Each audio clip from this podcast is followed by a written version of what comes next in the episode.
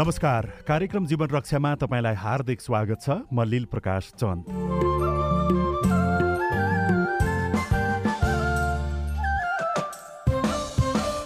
सामाजिक शैक्षिक व्यावसायिक गतिविधि स्वास्थ्य सावधानी समसामयिक राजनैतिक परिवेशको बारेमा विशेषतः यो कार्यक्रममा हामी छलफल गर्छौं। सामुदायिक रेडियो प्रसारक संघ अकुराबद्वारा सञ्चालित सिआइएनको प्रस्तुति यो हो कार्यक्रम जीवन रक्षा।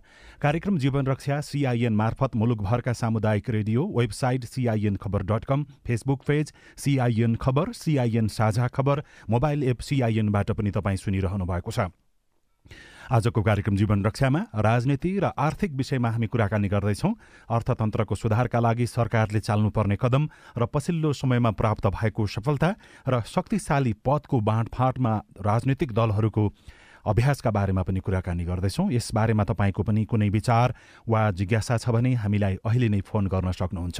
हामीलाई शून्य एक बाहन्न साठी छ सय एकसट्ठीमा फोन गर्नुहोला। तपाईँले कार्यक्रम जीवन रक्षा हाम्रो फेसबुक पेज सिआइएन खबरबाट सुन्दै हुनुहुन्छ भने त्यहाँ कमेन्ट गर्नुभयो भने पनि हामी तपाईँका जिज्ञासा सम्बोधनको प्रयास गर्नेछौँ। प्रधानमन्त्री पुष्पकमल दाहाल प्रचण्डले बैङ्किङ क्षेत्रको ब्याज दर एक अङ्कमा झार्न निर्देशन दिइसकेको पछिल्लो अभिव्यक्ति सार्वजनिक भएको छ र त्यो सँगसँगै नेपालको अर्थ क्षेत्रमा केही सुधारका सङ्केतहरू प्राप्त भएको भनेर राष्ट्र बैङ्कले सार्वजनिक गरेको तथ्याङ्कमा उल्लेख गरिएको छ। यसले अर्थ क्षेत्रमा पार्ने प्रभाव कस्तो रहला? हामी सुरुमा वरिष्ठ अर्थविद डाक्टर चन्द्रमणि अधिकारीसँग कुराकानी गर्दैछौँ। अधिकारीज्यू यहाँलाई स्वागत छ कार्यक्रम जीवन रक्षामा।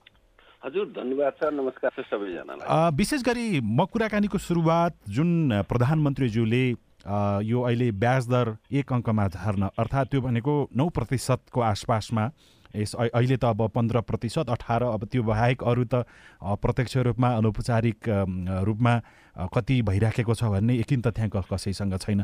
प्रधानमन्त्रीले त्यो निर्देशन दिएको साँचो हो भने यसले अब अर्थक्षेत्रलाई चलायमान बनाउला कि अथवा स्थिर बनाउला तपाईँको विचार के छ त्यहीबाट जाउँ।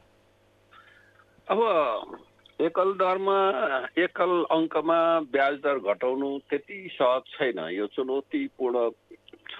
किनभने ब्याज दर केबाट निर्धारण हुने भन्दा मुख्य चाहिँ बजारबाटै ब्याज दर निर्धारण हुने हो। हामीसित त्यो ब्याज निक्षेप कति सङ्कलन भइराखेको छ? निक्षेपको लागत कति छ? र ब्याङ्कहरूको अपरेसन कस्टहरू कति छ? भन्ने कुरामा त्यो निर्धारण हुन्छ। अर्को चाहिँ लगानी गर्ने कर्जाकोमा जोखिम कति छ? त्यो कुराले पनि त्यसलाई प्रभावित गर्छ। भनेको प्रधानमन्त्रीले जुन एक प्रतिशतमा ब्याज दर ल्याउँछु अथवा त्यस अनुसारको निर्देशन दिए भने पनि त्यो कार्यान्वयन चाहिँ त्यति सम्भव अथवा सजिलो छैन तपाईँले भन्न खोज्नु भयो। त्यति सजिलो छैन। तपाईँको यतातिर मुख्य कुरा निक्षेपको ब्याज दर हामीले जबरजस्ती घटाइदियौँ भने पनि भोलि पुँजी पलायन हुने। अब भारतको भारतमा ब्याज दर कति छ भनेर पनि हेर्नुपर्ने हुन्छ। भारतमा लिने र दिने ब्याज दर कति छ भनेर नि हेर्नुपर्ने हुन्छ। भारतमा चाहिँ नि झन्डै एघार प्रतिशतसम्म ब्याज दर दिइराखेको छ।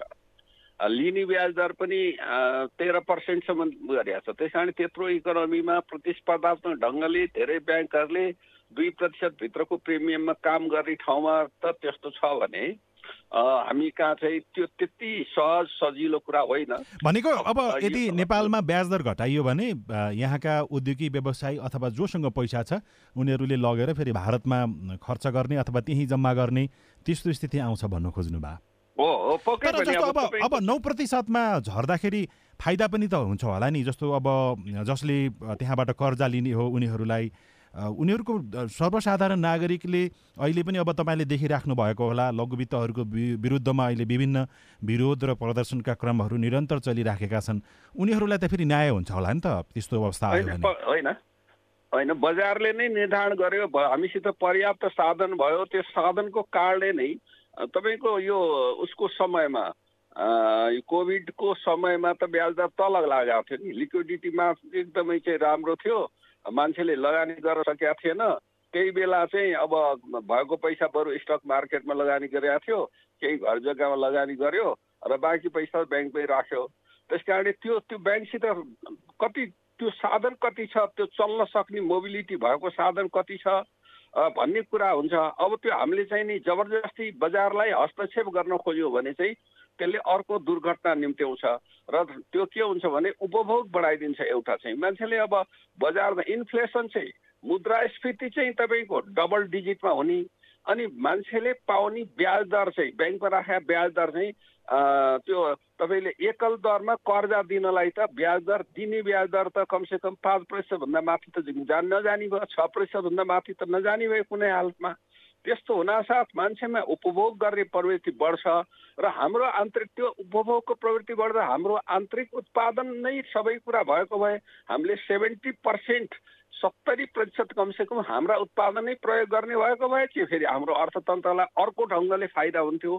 तर हामी अधिकांश कुराहरू खरिद गरेर किन्ने हुनाले त्यसले अर्को प्रेसर सिर्जना गर्छ। एक अर्को चाहिँ अघि मैले भने फेरि त्यो अहिले तपाईँलाई एउटा कुरा के छ भन्दाखेरि अब पाँच सय र दुई हजारको नोट नेपालमा नचल्ने भारतीय हुनाले भारतबाट काम गरेर आउनेहरूले त्यो नोट लिएर आउँदा साट्न खोज्दा एक सय साठी रुपियाँ नपाएर एक सय पचपन्न चौन्नमा दिइराखेका कुरा। अब त्यो नोट चाहिँ साटेर मान्छेले अनि लगेर उहाँ जम्मा गर्न थाले भने पनि त त्यस्ता त्यस्ता खालका भनेको त्यसका साइड इफेक्टहरू देखिन सक्छन्। जस्तो अब यो भारतीय भारतीय रुपियाँ एक सयसँग नेपालको जुन यो अहिले पछिल्लो समयमा त नेपाली रुपियाँ त झन् बलियो भयो भन्ने आइरहेको छ। अनि एक सय साठी हुनुपर्नेमा पचपन्न पचासमा त्यो स्थिति अहिले त्यो बढ्दै गएको स्थिति हो र अधिकारीजी होइन यस्तो छ।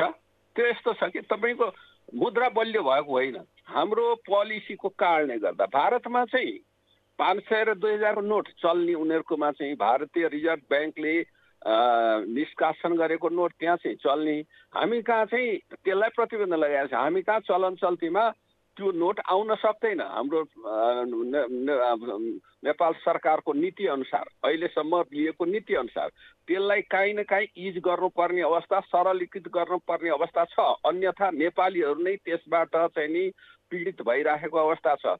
त्यो त त्यो त फरक विषय भयो। अब अब अर्को मुख्य विषयमा केन्द्रित हुँदाखेरि यदि यदि यदि ब्याज दर एकल बिन्दुमा पुग्यो भने यसका सबल पक्षहरू चाहिँ के छन् त्यतातिर पनि जाउँ न होइन त्यो त एकल यदि बजारले नै निर्धारण गर्यो स्वाभाविक कारणले बजार एकल दरमा पुर्याउन सक्यो भने त त्यो त अत्यन्त राम्रो कुरा भयो नि। होइन राम्रो चाहिँ के के हुन्छ? बुद्धागत रूपमा एक नम्बरमा यो क्षेत्रलाई फाइदा हुन्छ दोस्रो नम्बरमा यो क्षेत्रलाई अथवा तेस्रो नम्बरमा यस्तो भन्ने कुरा चाहिँ के छ? अझ यसलाई खुलाउनु पर्दा।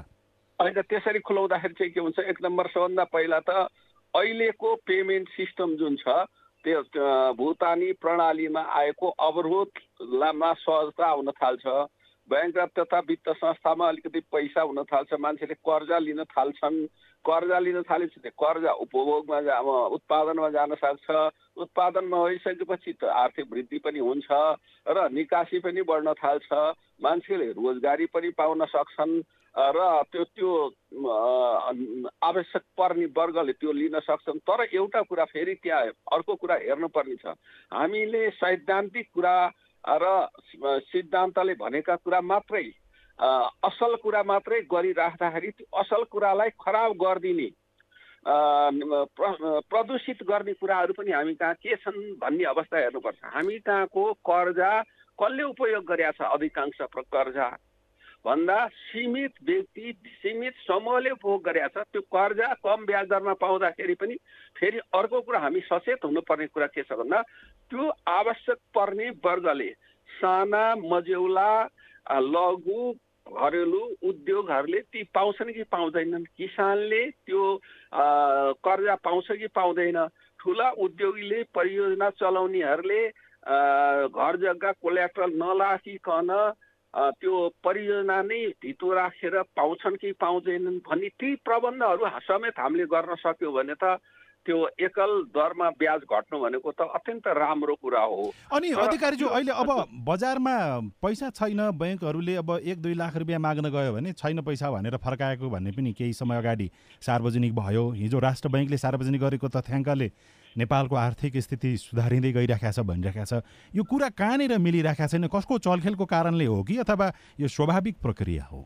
अब यस्तो छ। अब यो चाहिँ नि अहिले नेपाल राष्ट्र ब्याङ्कले निकालेको जुन चाहिँ नि सात महिनाको आर्थिक विवरण छ त्यो हेर्दा बाह्य क्षेत्र सकारात्मक देखिन्छ। तर बाह्य क्षेत्र सकारात्मक के कारणले भयो भन्ने कुरा हेर्दाखेरि विप्रेषण चाहिँ नि बढेर आयो। विप्रेषण सोह्र प्रतिशत अमेरिकी डलरमा नेपाली डलरको नेपाली रुपियाँ त किनभने इन्फ्लेसन त्यो डलरको मूल्य बढेर गएको छ त्यस कारण अलिक बढी देखिन्छ छब्बिस सत्ताइस प्रतिशत बढिया देखिन्छ।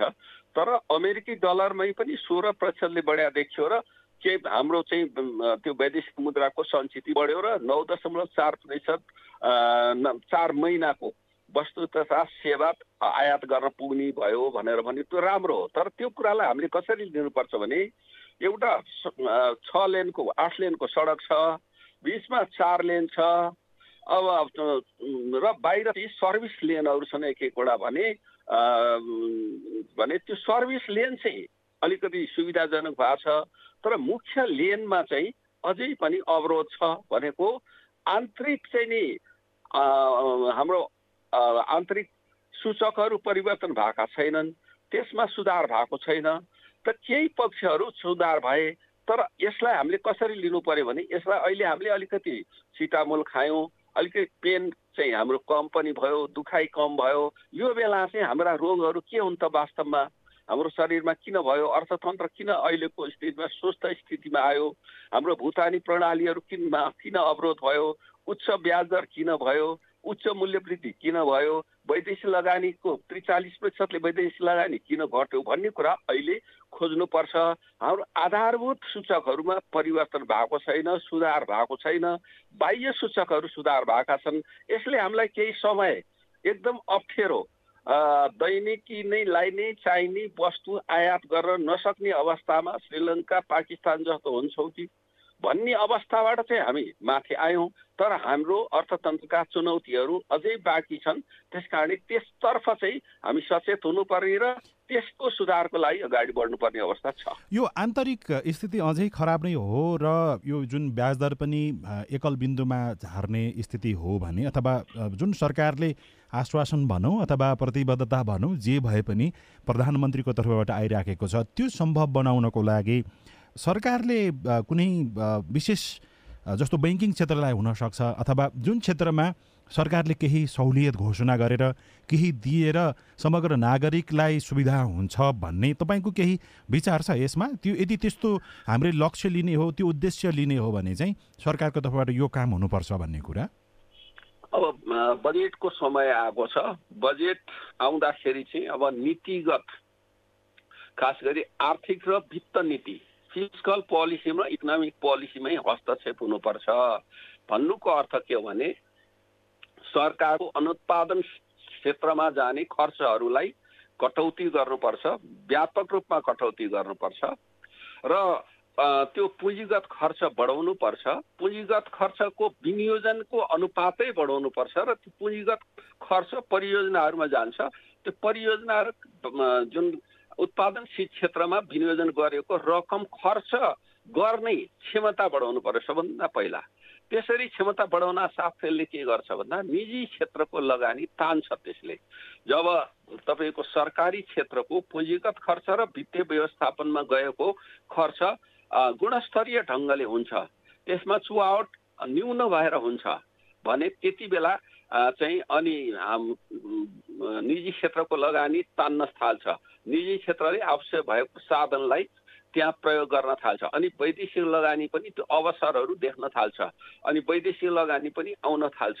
त्यसले गर्दाखेरि के हुन्छ भने तपाईँको ब्याज दरहरूमा र अनि त्यो सँगसँगै त्यसलाई यहाँले भन्नुभएको जस्तो अनि केही प्याकेजको घोषणा गर्ने मौद्रिक नीति मार्फत भनेको अर्थ मौद्रिक नीति र आर्थिक नीति एवं वित्त नीतिलाई सँगसँगै हिँडाउनुपर्छ। तिनीहरूको बिचमा तादम्यता कायम गर्नुपर्छ। यो अहिलेको प्रधानमन्त्री अहिले जुन उसमा जानुभयो कुर्सीमा बस्नुभयो उहाँले अब यो बिचमा गठबन्धन त परिवर्तन भयो तर योभन्दा अघिल्लो गठबन्धनको पहिलो क्याबिनेटले उहाँहरूले के भन्नुभएको छ भने आर्थिक र मौद्रिक आर्थिक वित्तीय र मौद्रिक नीतिका बिचमा तादम्यता कायम गर्छौँ भनेर भन्नुभएको छ। नीतिगत हिसाबले सैद्धान्तिक हिसाबले त्यो राम्रो कुरा पहिचान गर्नुभएको छ। तर त्यस अनुसारका नीति ल्याउनु पर्यो कार्यक्रम ल्याउनु पर्यो र काम काम कारबाही चाहिँ त्यसै अनुसार हुनु पर्यो। ठिक व्यक्तिलाई ठिक ठाउँमा राख्नु पर्यो। हामी एकातिर कुरा चाहिँ असल गर्छौँ। तर असल कुरा अनुसारको काम कारवाही हामी गर्दैनौँ। नीति राम्रो बनाउँछौँ तर कार्यान्वयनमा भनेको भाषण र व्यवहारमा तालमेल नमिलेसम्म यो लिएका एउटा जुन उद्देश्य अथवा दिएका सपनाहरू सपनामा मात्रै सीमित हुन्छन् भन्ने तपाईँको निष्कर्ष हस् धेरै धन्यवाद छ यहाँले समय दिनुभयो कुराकानीको लागि। डाक्टर चन्द्रमणि अधिकारी हुनुहुन्थ्यो। हामी कार्यक्रम जीवन रक्षामा छौँ। सामुदायिक सूचना नेटवर्क सिआइएनले उत्पादन तथा प्रसारण गर्दै आएको कार्यक्रम जीवन रक्षा सुनिरहनु भएको छ। अर्थनीतिपछि अब हामी लाग्दैछौँ राजनीतितर्फ। राजनीतिमा राष्ट्रपतिमा नवनिर्वाचित राष्ट्रपति रामचन्द्र पौडेलले शपथ ग्रहण गर्दै हुनुहुन्छ भने निवर्तमान राष्ट्रपति विद्यादेवी भण्डारीले शीतल निवास छोड्दै हुनुहुन्छ। नेपालको राजनीतिमा महत्त्वपूर्ण पदमा भइराखेको निर्वाचनको क्रम पनि चलिराखेको छ। उपराष्ट्रपतिको निर्वाचन आउँदैछ। अबको राजनीति कता जाला? कुराकानीको लागि हामीसँग डाक्टर जनार्दन आचार्य हुनुहुन्छ। आचार्यज्यू स्वागत छ यहाँलाई कार्यक्रम जीवन रक्षामा। धन्यवाद। यो जुन प्रकारको राष्ट्रपतिको शपथ र निवर्तमान राष्ट्रपतिको विदाई भइराख्दाखेरि राष्ट्रपति पद वास्तवमा यो आलङ्कारिक हो भनेर संविधानको बेलामा संविधान घोषणा निर्माणको बेलामा धेरै चर्चा भयो। अहिले त्यही पदमा पुग्नको लागि त्यही पदमा मान्छे कसलाई राख्ने कुन राजनैतिक दललाई दिने भन्ने विषय यति यति जुन जोडतोडका साथ चल्यो यसको कारण चाहिँ के हुन गयो अहिलेको अवस्थामा? पहिला कुरो त के भोला जस्तो लाग्यो मलाई भन्नुहुन्छ भनेदेखि सुरुबाटै हामीले गल्ती कहाँबाट गऱ्यौँ त भन्दाखेरि जति बेलामा पहिलो राष्ट्रपति बनायौँ त्यहीँबाट हामीहरूले गल्ती गर्न सुरु गऱ्यौँ। किनभनेदेखि राष्ट्रपति हुने लेभलको मान्छेको योग्यता नैतिकता र आचरण छ कि छैन भन्नेतिर हामीहरू प्रवेश गरेनौँ। सिर्फ के गऱ्यौँ त भनेदेखि पार्टीभित्रको प्रिभिलेज नपाएको मान्छे अथवा सरकारलाई सजिलो नेताजीहरूलाई सजिलो हुने मान्छे मात्रै खोज्ने प्रयास गऱ्यौँ। तीबाट हामीहरूले सूत्रपात त्यसरी सुरु भयो पहिलो पूर्व राष्ट्रपति डाक्टर रामवरण यादवको स्थितिदेखि अहिलेसम्मको कुरा गर्न खोजेँ अहिलेसम्मको स्थिति कुरा गरेँ मैले होइन? अब जुन तपाईँले भन्नुभयो अब तेस्रो हाम्रो रामचन्द्रजी आइसक्नु भएको छ उहाँलाई पनि जनताहरूले हेर्ने दृष्टिकोण पुरानैसित जोडेर हेर्ने दृष्टिकोण भन्दा भिन्न छैन। किनभनेदेखि विगतमा उहाँका क्रियाकलापहरू पार्टीभन्दा कति माथि उठेर बोल्न सक्नुभयो जनता र देशको लागि उहाँ कति बोल्नुभयो कति योगदान पुरा पार्टीभित्र होला। पार्टीभित्र उहाँ पुरानो मान्छे हो संस्थापक सदस्य होला आदि इत्यादि छोडिदिनुहोस्। तर पब्लिकले हेर्ने भनेको के त भन्दै देशकाल परिस्थितिको बेलामा उहाँको आवाज आयो कि आएन?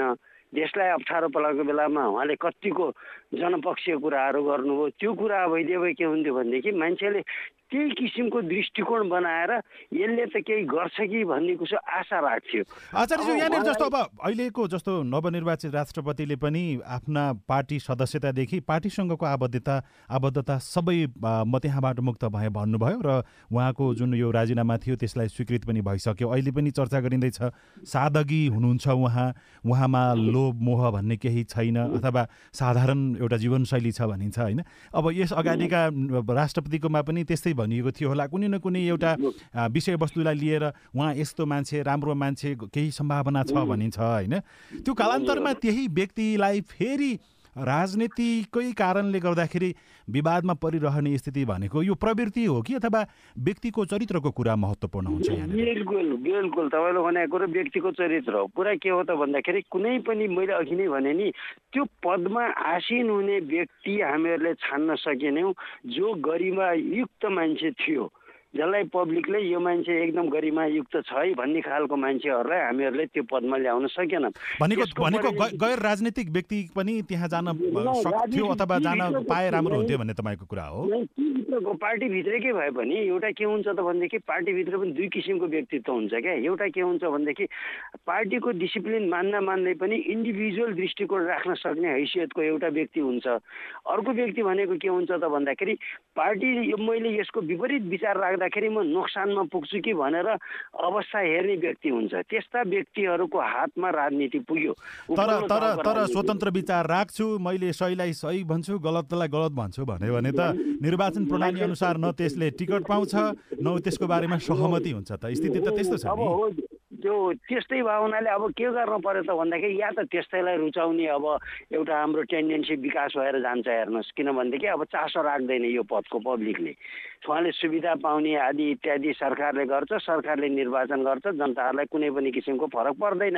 होइन त्यो पदलाई गरिमायुक्त बनाउने हो भनेदेखि उहाँले के भन्न सक्नु पर्यो त भनेदेखि पार्टीले ल्याएकै भए पनि देश हित विपरीतका विधेयकहरू फिर्ता गर्ने आँट हुनु पर्यो भोलि अब धेरै विधेयकहरू आउँदैछन्।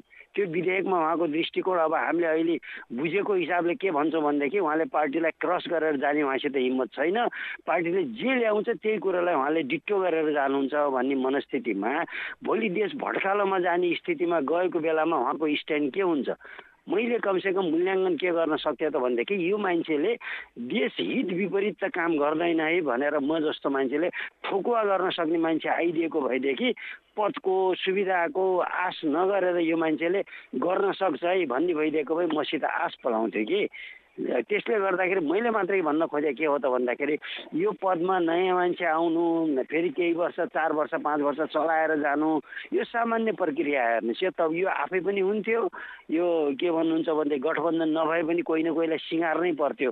तर मात्रै के भयो त भन्दाखेरि हामी यस्ता कुराहरूबाट धेरै फस्या हुनाले नेपाली जनताहरू आजित भएका हुनाले त्यसैले गर्दाखेरि प्रश्न के उठ्यो त भन्दाखेरि हामी कसैलाई पनि यो विश्वास गर्ने स्थितिमा गएनौँ क्या? यो कारण नेताहरूकै कारणले हो हेर्नुहोस्। अब अब निवर्तमान राष्ट्रपति राष्ट्रपति विद्यादेवी भण्डारी जसले हिजोदेखि उहाँको कार्यावधि सकियो र शीतल निवास छोड्दै हुनुहुन्छ।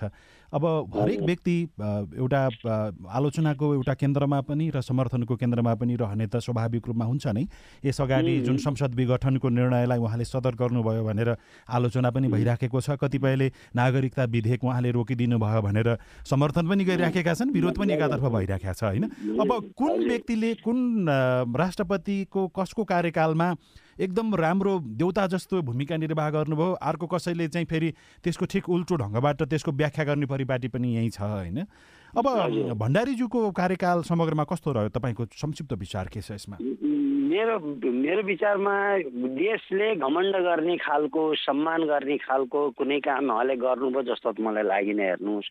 अब नागरिकता विधेयक सम्बन्धमा जुन किसिमले बाहिर भनाइहरू आए त्यो रोकेको कुरा चाहिँ एउटा राम्रो काम गर्नुभयो जस्तो लागेको प्रक्रिया पुर्याएर दिने कुरोलाई त्यसमा कसैको अन्यता छैन।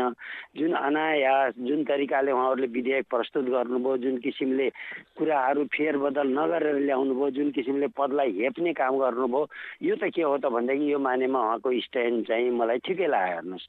अन्य कुराहरू अब जस्तै अघि नै त यहाँले भने जस्तै परम्परागत रूपमा भएका कुराहरू ब्रेक गर्न उहाँले पनि सक्नु भएन रामचन्द्रजीबाट पनि आश गरौँ हेर्नुहोस् पुरानै ठाडबाट पुरानै शैली पुर जनताबाट टाढा हुने आउँदाखेरि बाटो खाली गर्नुपर्ने सामान्य कुराहरू एउटा पालि सानो देशको राष्ट्रपतिको त्यो तामझाम नसाउँदो किसिमको यो त आफ्नो ठाउँमा छ। टिका टिप्पणीको कुरोहरू हेर्नुहोस् त्यो अर्कोलाई पनि होला उहाँलाई पनि भयो त्योभन्दा अगाडि पनि भएको थियो।